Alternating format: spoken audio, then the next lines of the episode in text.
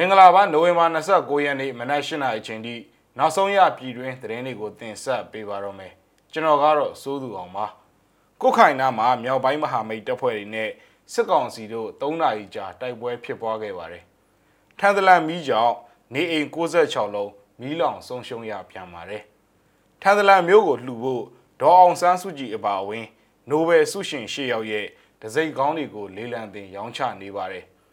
နိုင်ငံတကာသတင်းတွေဘက်မှာတော့စိုးရင်စရာအဆင့်သတ်မှတ်ထားတဲ့ကိုရိုနာဗိုင်းရပ်မျိုးကွဲသစ်ကိုထိန်းချုပ်ခံထားဖို့ကမ္ဘာနိုင်ငံတွေကလှုံ့ဆော်နေကြပါပြီဒီအကြောင်းတွေပါဝင်တဲ့နောက်ဆုံးရပြည်တွင်းနဲ့နိုင်ငံတကာသတင်းတွေကိုတင်ဆက်ပေးပါတော့မယ်မူဆယ်မန္တလေးလမ်းမကြီးနာကတိန်နီနဲ့ကုတ်ခိုင်ကြားမှာစစ်ကောင်စီတပ်ဖွဲ့တွေနဲ့မြောက်ပိုင်းမဟာမိတ်တပ်ဖွဲ့တို့ကြားနိုဝင်ဘာ28ရက်က3နာရီကျော်ကြာကြာတိုက်ပွဲဖြစ်ပွားခဲ့တယ်လို့ဒေသခံတွေကပြောပါတယ်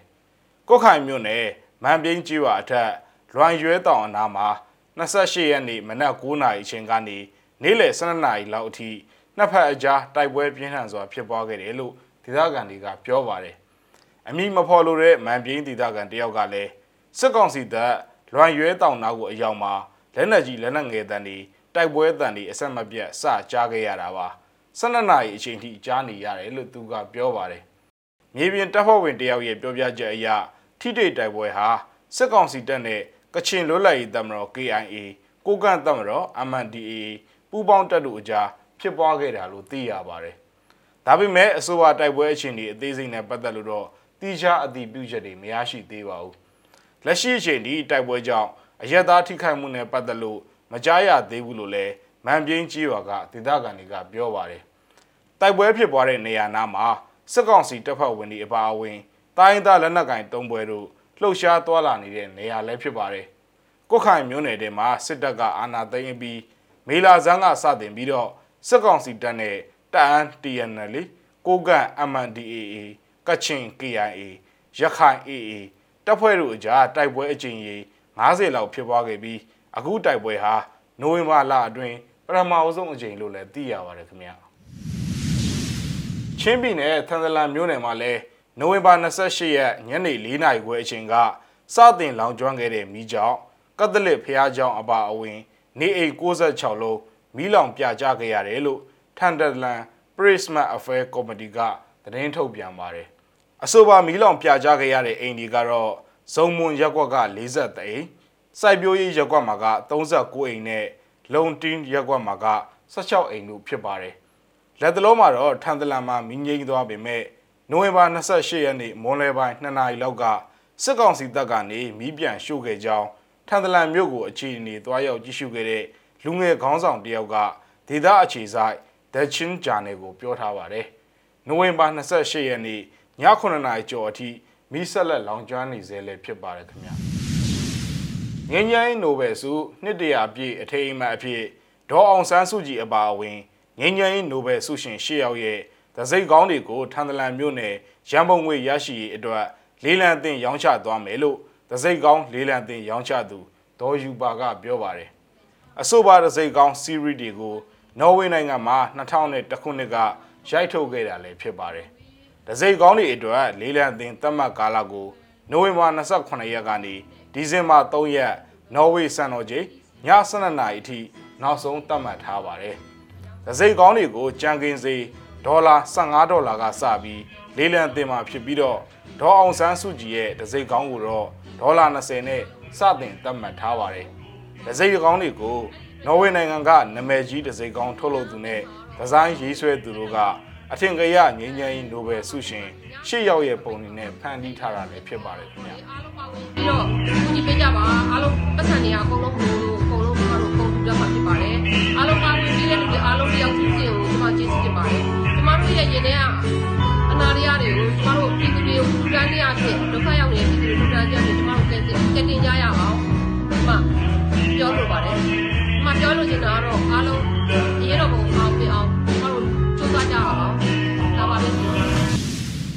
ဆက်လက်ပြီးတော့နိုင်ငံတကာသတင်းတွေဘက်ကိုလည်းသွားရအောင်ပါ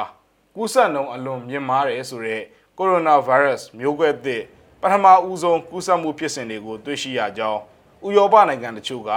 နိုဝင်ဘာ28ရက်မှာကြေညာခဲ့တယ်လို့လက်ရှိမှာအဆိုပါ Omicron မျိုးစိတ်ကွဲသစ်ကိုထိထိန်းချုပ်ခံသားဖို့ကမ္ဘာတလွှားအစိုးရတွေဟာနေဆက်ပိတ်ပင်မှုတွေနဲ့အတူခရီးသွားလာမှုဆိုင်ရာပိတ်ပင်ကန့်သတ်မှုတွေကိုစတင်လှုပ်ဆောင်နေပြီဖြစ်ပါတယ်။ COVID-19 မျိုးကွဲအသစ်ပထမဦးဆုံးကူးစက်တဲ့ဖြစ်စဉ်တွေတွေ့ရှိကြောင်းဗြိတိန်ဂျာမနီနဲ့အီတလီတို့ကအတည်ပြုခဲ့သလို Dash အာနာပိုင်တွေကလည်းတောင်အာဖရိကကနေပြန်လာပြီး COVID-19 ရောဂါပိုးကူးစက်ခံရရတယ်လို့စစ်ဆေးတွေ့ရှိရတဲ့ခီးတဲ့61ယောက်ကိုယောဂခြေချုံနဲ့ကန့်သက်ထားရှိပါတယ်။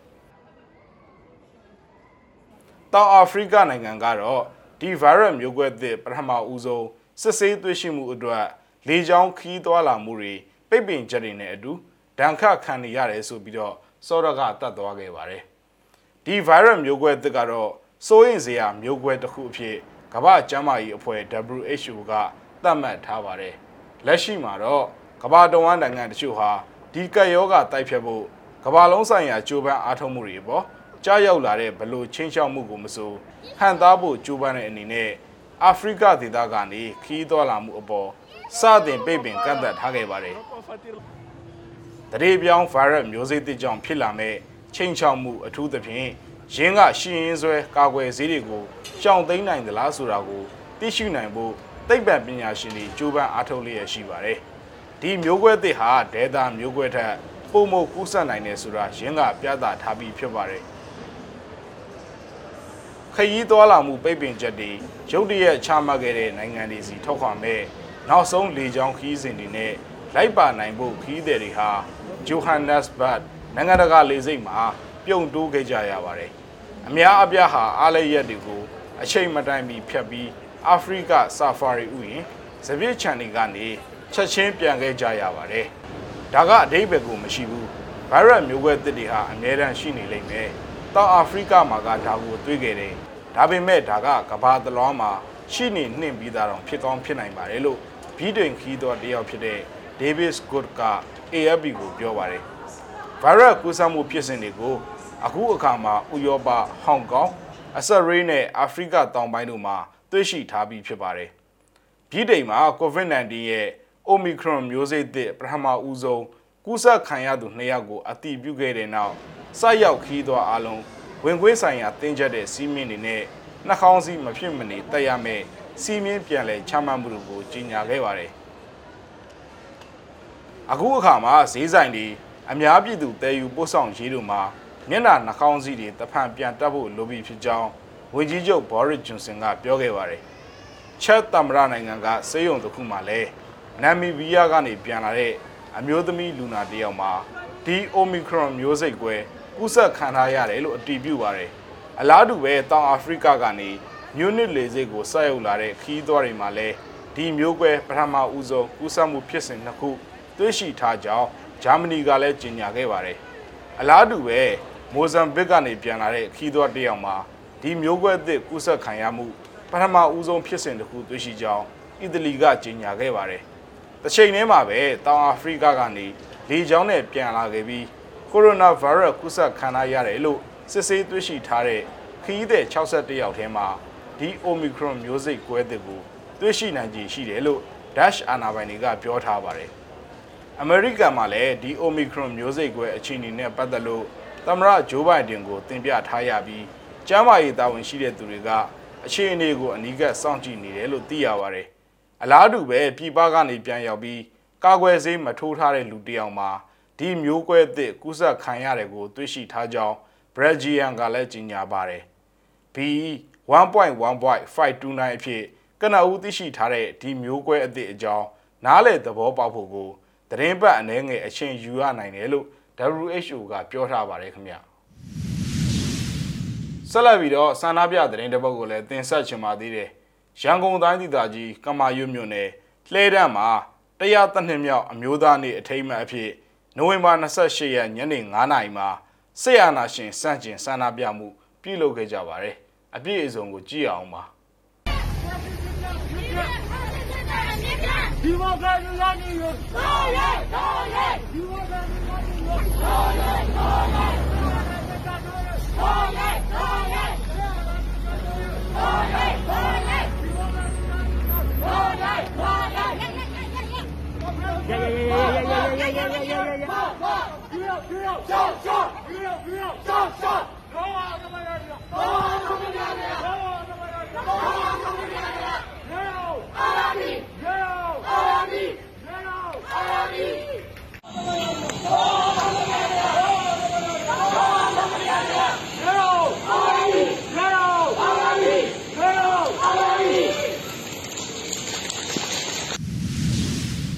မြစည်းမရဲ့သတင်းအစီအစဉ်ကိုဒီမှာခဏရင်နာကြပါတယ်ကြည့်ရှုခဲ့တဲ့ပရိသတ်သူချင်းစီကိုကျေးဇူးအထူးပဲတင်ရှိပါတယ်